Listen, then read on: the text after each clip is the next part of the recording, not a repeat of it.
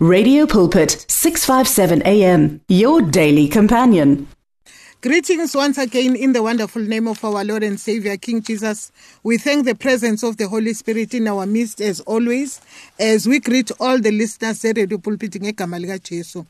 Our scripture reading sanamhlanje sikulapha kuPhilippians chapter 4 kuverse 19 nakuPhilippians chapter 2 kuverse 25 lifundeka kanje kuverse 19 yakhona. Lithi and my God will supply all your needs according to his riches in glory in Christ Jesus.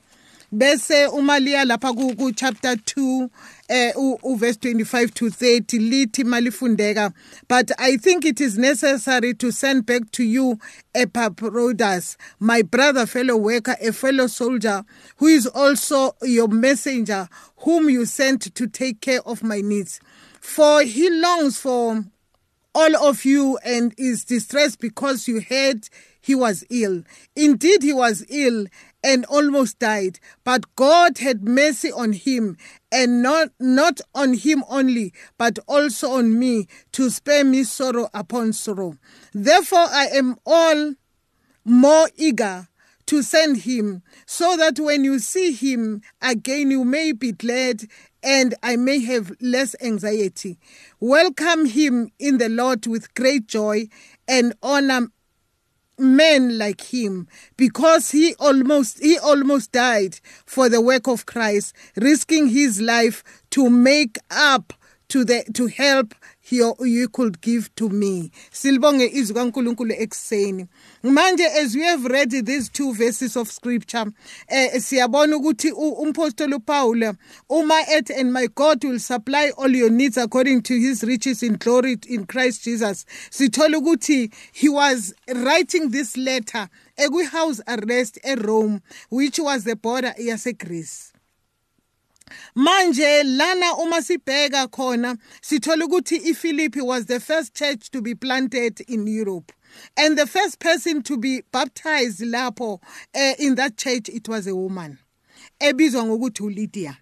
Eh siyakhumbula istory sika Lydia ukuthi kwaqaleka kanjani lapha kuzenzo chapter 16 kodwa sithola ukuthi umpostoli uPaul ngokwakhe lithi izikaNkuluNkulu wayefuna ukuyoshumayela ivangeli eEast but umoya engcwele wamvimbela ukuthi angayi lapho le ndawo wayifuna ukuya kuyo today sibiza ngokuthi iMongolia manje the holy spirit yangavuma ngoba siyakhumbula ukuthi uNkulunkulu wathi uJesu Kristo uma ekhuphukela ezulwini wathi qalana eJerusalem near Judea near Samaria then you can go to the uttermost. Uh, places of the world. So isikhathi sase sase eh, kule ndawo emangole befuna ukuya kuyo sasingekafiki. uNkulunkulu wayesadila nalabo baseduze eh, to the uttermost. Manje ekseni kwanamhlanje sithola ukuthi manje when we are reading that, that story sale uma umpostoli uPaul ezobhala lencwadi sithola ukuthi eselapho wathola iphupha lo muntu wasemasadoni Macedonia lapha kuzenzo chapter 16 ecela ukuthi come and help us. Eh uthe make suka eMacedonia wehlela endaweni yaseFilipi and the intention yakhe makafile eFilipi he intended as usually ukuthi ahamba aye emasinagogweni akwazi ukuyoshumayela ivangeli. Kodwa kwatholakala ukuthi eFilipi isinagogo alikho. Wacabanga ukuthi into esingaya kuyo masehlele emlanjeni. And uma behlele emlanjeni he knew ukuthi lapho uzabathola abomama. Njengoba sazi nasezwini likaNkuluNkulu ukuthi esikhathini esiningi abantwana bakaNkuluNkulu abathunyiwe uma befuna ukungena endaweni bebengena ngomama. Ngoba siyakhumbula ukuthi eh uMoses make efuna ukuyongena endaweni yaseMediana kwathi ngekuthi ayemlanjeni naye wahlangana nalaba babehlukumeza eh laba beyokha amanzi wabasiza. Lento yamenza ukuthi akhona ukuyongena e, e, khona e, lapho eMediana. And siyathola even nenceku ka Abraham uEliezer uma yofunela umakoti eh uAbraham kwadingeka ukuthi aye emlanjeni. Manje siyathola even lana ukuthi ke manje makehlele enzansi lapho uthola labo mama makathola labo mama bashumayela ivangeli lokuphenduka lithi izwi kaNkuluNkulu uNkulunkulu wathinta phakathi kwalabo mama a rich woman a well-to-do woman and that woman's name was uLydia Manje, when we look at this, not only that because she was rich, but the thing I think that attracted uNkulunkulu Lydia is because she's a, she was a generous woman. Siyazi ukuthi i-generosity iyam attract uNkulunkulu ngoba nalapha kwincwadi yezenzo chapter 10 siyakhumbula ukuthi eh, eh, uCornelius lithi kaNkulunkulu he was a generous man and uNkulunkulu yamthinta lonto to the extent ukuthi wambona ubona ukuthi lo muntu insindiso sekeyitholile kodwa udinge ukuconfessa ngomlomo wakhe. Manje ke ekseni kwanamhlanje uma ngisakhuluma ke ukuthi eh uNkulunkulu wathinta inhliziyo kaLydia uLydia make kusindiswa. Wathi ngenxa kuba she was a, a, a generous woman wathi kulaba koPaul ne ne ne ne crew yakhe wathi I've got a home engan accommodate kuyo. Izani nizohlala nami. Manje uma sibheka lapho it's not easy uku-invite the strangers. It's not easy uku-invite abantu abantu. Ngoba if you are inviting people you are inviting people eh, eh ozobanesa ozokhipha something ubanese ukhipha imali uma uspende imali for ukuba accommodator but now we see because she was a generous woman namhlanje sifunda leli verse ngani? Ngoba igenerosity yakhe azange iphelele kuye but wayikhiphela ebandleni. Ngoba manje lana umpostoli uPaul emabhala leli ebhalela leli bandla. Ubhala uthi and my God will supply all your needs according to his riches in glory through Christ Jesus. Why? Because this church was a generous church that used to support iministry kampostoli uPaul today umbuzo wami nawe ngoba uLydia we can see ukuthi he has she has taught uh, uh, uh, people in the church bafunda i-character yakhe yokunikela. Nabo they started to be givers they started to to to what to support i-ministry. Ngani? Ngoba sometimes we are looking ukuthi ngisayoshumayela endaweni ethile kanti ngesinye isikhathi uNkulunkulu ukubekele ukuthi imali yakho makube yiyona ezohambisa umsebenzi kaNkulunkulu. Manje ke ekseni kwanamhlanje sibona nalo Epaphroditus esifunde ngaye kuverse 2 ukuthi uEpaphroditus wasinda ebegula kakhulu. Uzuthi umpostoli uPaul uNkulunkulu wamenzela umusa e, e, enzela nompostoli uPaul umusa ukuthi manje this man is a person yini othunywayo ukuthi ahambise iminikelo yokuhambisa umsebenzi kaNkuluNkulu. Manje uma sisayibhekile naleyo nto ukuthi there's something ayifunda uEpiphanius eyifunda kuLydia umuntu ongumama ukuthembeka. Ngoba ukusuka phela uma sikhumbula isikhathi sakudala siyakhumbula ukuthi there were no airlines. Isikhathi sakudala the only route you can use was a sea route. Bebehamba ngeyikepe and they would go a long way. And even when they were uh, using ikepe there was also a danger. Yokuthi sometimes the, the kuba nani nokuthi umoya ube mningi elwandle some of the people they even die beselwandle sometimes kunabantu ababerobha endaweni yalapho kuma abasizi abakhola ngokuthi ama-pirates. They used to kuba nama-robbery lapho abotsotsi ababekhona lapho ngalezo y'nkathi. Manje siyabona ukuthi this, this woman uh, why installa this thing yokwethembakala emnikelweni? Why installa this thing uh, ku-epaphroditus why install ebandleni? Lokuthi manje kube ngabantu abawaziyo umnikelo. Manje ekuseni kwanamhlanje umbuzo wami kimi nawe ukuthi yini thina? Thina esi esi-installile ebantwini ebandleni. Ekuzothi namhlanje we are reading about them ukuthi they were the church that were able to, to, to give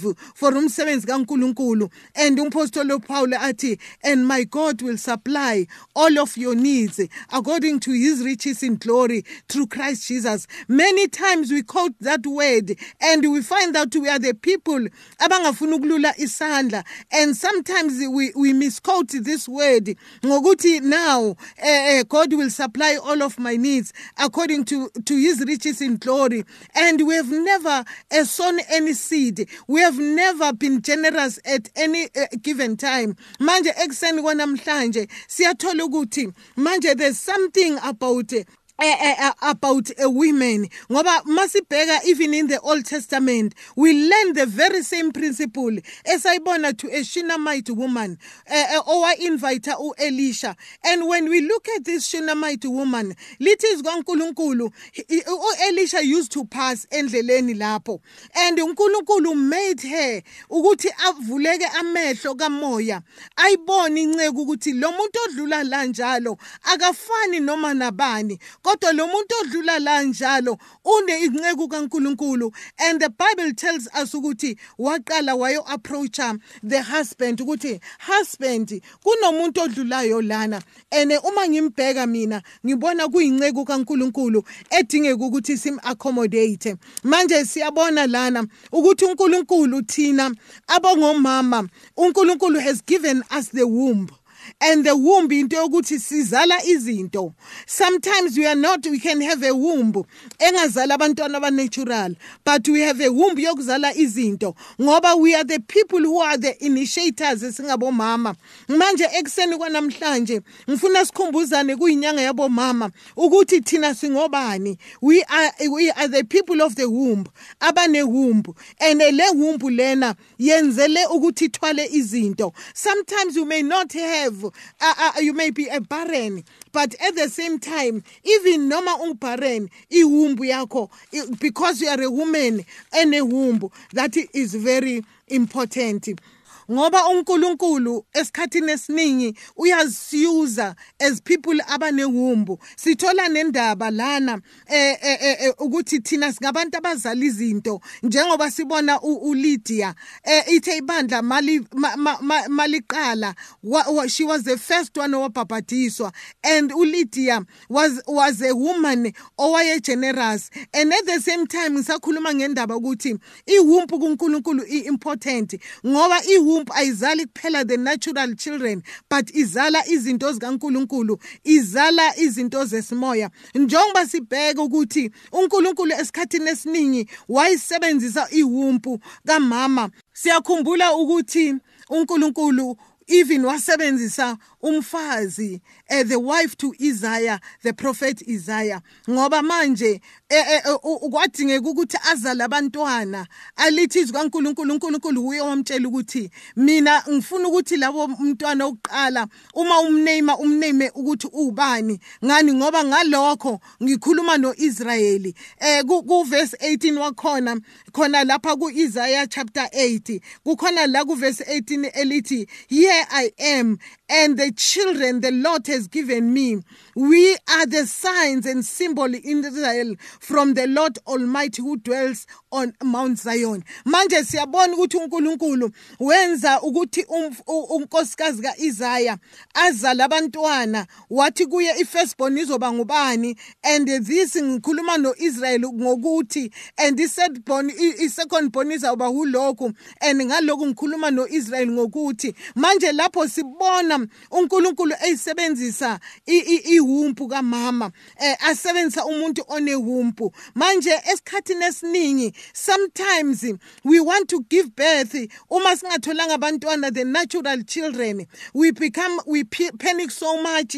Uma singenabo aba natural children uh, even the people bakubiza ngamagama. But kuNkulunkulu even if you don't have a, a, a natural children uNkulunkulu can make you the mother ya ya ya, ya spiritual children. Eh njengoba singishilo ukuthi most of the time sifuna the usual way of uh, giving birth. Kanti the kuNkulunkulu indlela zakhe azifani nendlela zabantu. There's an unusual way uNkulunkulu ayisebenzisa nakwabanye ukuthi uNkulunkulu ngabo abasebenzise ngani ngoba they are the woman abanewumbu kuyinyanga yabo mama namhlanje ngithanda ukuthi you may have biological children you may be a barren woman but let me tell you izwi kaNkuluNkulu ukuthi barren woman lithi ku Psalm 13 113 verse 9 lithi zikaNkuluNkulu he circled the barren woman in her home as joyful mother of many children. Uh, he circles the barren woman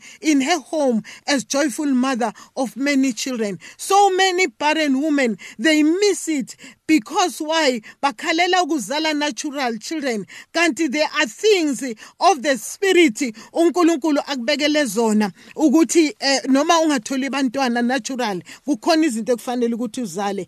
Again to those who are able to give birth.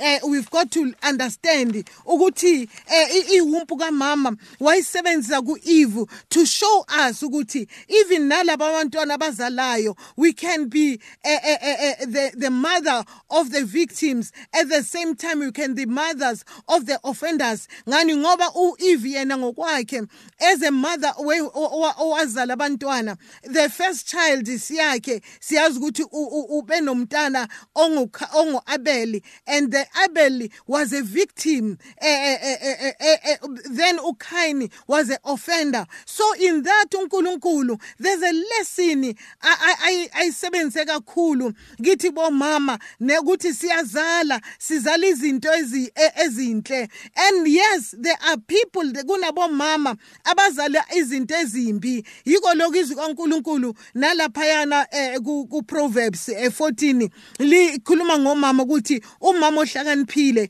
uyawakha umuzi wakhe kodwa uyisiwula uyawudiliza. Meaning that beyisitshela izwi kankulunkulu ukuthi we are the builders and at the same time we are the destroyers. Thina singabomama kudiphenda kithi ukuthi thina sifuna ukuba ngobani ngoba kukhona abantu kuthiwani abademolisha izinto ezakhiwe. Manje ekseni kwanamhlanje eh no woman for instance okay ovotele ukuthi angazala umntana oyisidlwangu no woman othi makazala athi lo mntana ngifuna ukuthi abe into ethile embi. Wonke umuntu nalo ongayifuni into enhle kodwa ufuna ukuzala abantwana abayiyo. Manje ekseni kwanamhlanje ngithanda ukwenza ukuthi eh thina singomama whether sizele abantwana ababhed noma abagudi but all is from uh, uh, the Lord. Ngani? Ngoba sinewumpu. Iwumpu le iyazala. For instance izwi kaNkuluNkulu liyasitshela lapha Second Samuel chapter uh, uh, 1 kuverse 17 lithi uthi uDavide make khuluma lapha uh, from verse uh, 17 to, to 20 lithi leli lizwi ku20 tell it not to Gath proclaim it in the street of Ashkelon. Lest the daughters of the Philistines be, uh, be glad. Lest the daughters of the uncircumcised rejoice. Manje siyayibona lapho ukuthi lana uDavide kuverse 17 he lamented uh, uh, upon the concerning uSaul noJonathan wayebulewe manje uthi make khuluma labo utshela abantu ukuthi nisize nje don't tell it to Gath and don't proclaim it to Ashkelon. Lest the daughters of the Philistines be glad. Let the daughters of the uncircumcised rejoice. Manje siyabona ukuthi ezwini likaNkuluNkulu uNkulunkulu uyasibonisa ukuthi kukhona omama abangayithandi abajabulela into embi evelela umuntu. Omama abangakhali uma into ivelile instead bayalilizela bayijabulele. Yiko lokwathi uNkulunkulu don't tell it uh, to Gath uh, procl or no proclaim it to the street of Ashkelon. Ngoba labo bomama bekomama makuvela intembi bebehililizela bejabula. Kodwa manje uma sisakhuluma ngewumpu kamama ukuthi uEve wazala the, the victim and the offender ukuthi manje laba bekwama offenders manje uma sibheka abantu abama victim sithola ukuthi kuJeremiah 17 sithola manje uNkulunkulu ekhuluma ukuthi bizana omama abesililo. Bezokhala bekhalela isimo esikhona. Manje phakathi komama singabantu behumbu kunabomama ngesinye isikhathi abayijabulelayo intembi kanti kunomama abathi mabebona ububi lithi izwi kaNkuluNkulu bizani bona bezokhala. Kufana noEstere make zofasta azange abize wonke umuntu. Wathi bizana abasesusa kuphela bazofasta nami. Ngoba bakhona abantu abangathi bafasta nawe kanti bame simelene nawe. Manje simbonga uNkulunkulu ekseni kwanamhlanje ukuthi thina sibiziwe uNkulunkulu. Kukhona izinto esinazo njengabantu abanehumpu ukuthi uNkulunkulu abantu abanehumpu ziningi izinto asisebenzisa ngazo. Ngoba nalapha sifunda kumahubo 68 sesivala izwi likaNkulunkulu lithi lapho uh, the Lord announced the word, and the great was the company of those who proclaim it. The Lord announced the word, and great was the company of those who proclaim it. And Gwamanyama translation, little great was the company of women who proclaim it. Tina, we are the people who proclaim the good news. We are the people abenza izinto ezikahle. Manje ekseni kwanamhlanje uNkulunkulu asenze kahle. Eh uNkulunkulu asenze sibe ngalabo mama abafisa okuhle kodwa. Siyambonga uNkulunkulu. uNkulunkulu asenze kahle ngegama lika Jesu waseNazaretha. Father we thank you ukuthi baba ukhulumile namhlanje. Ukhulume nami wakhuluma naye umama olalele ukuthi uNkulunkulu singobani ngoKristu Jesu. Amen. The words of the Lord are words of life. Your heart is on 657 AM 657 AM radio for believers in action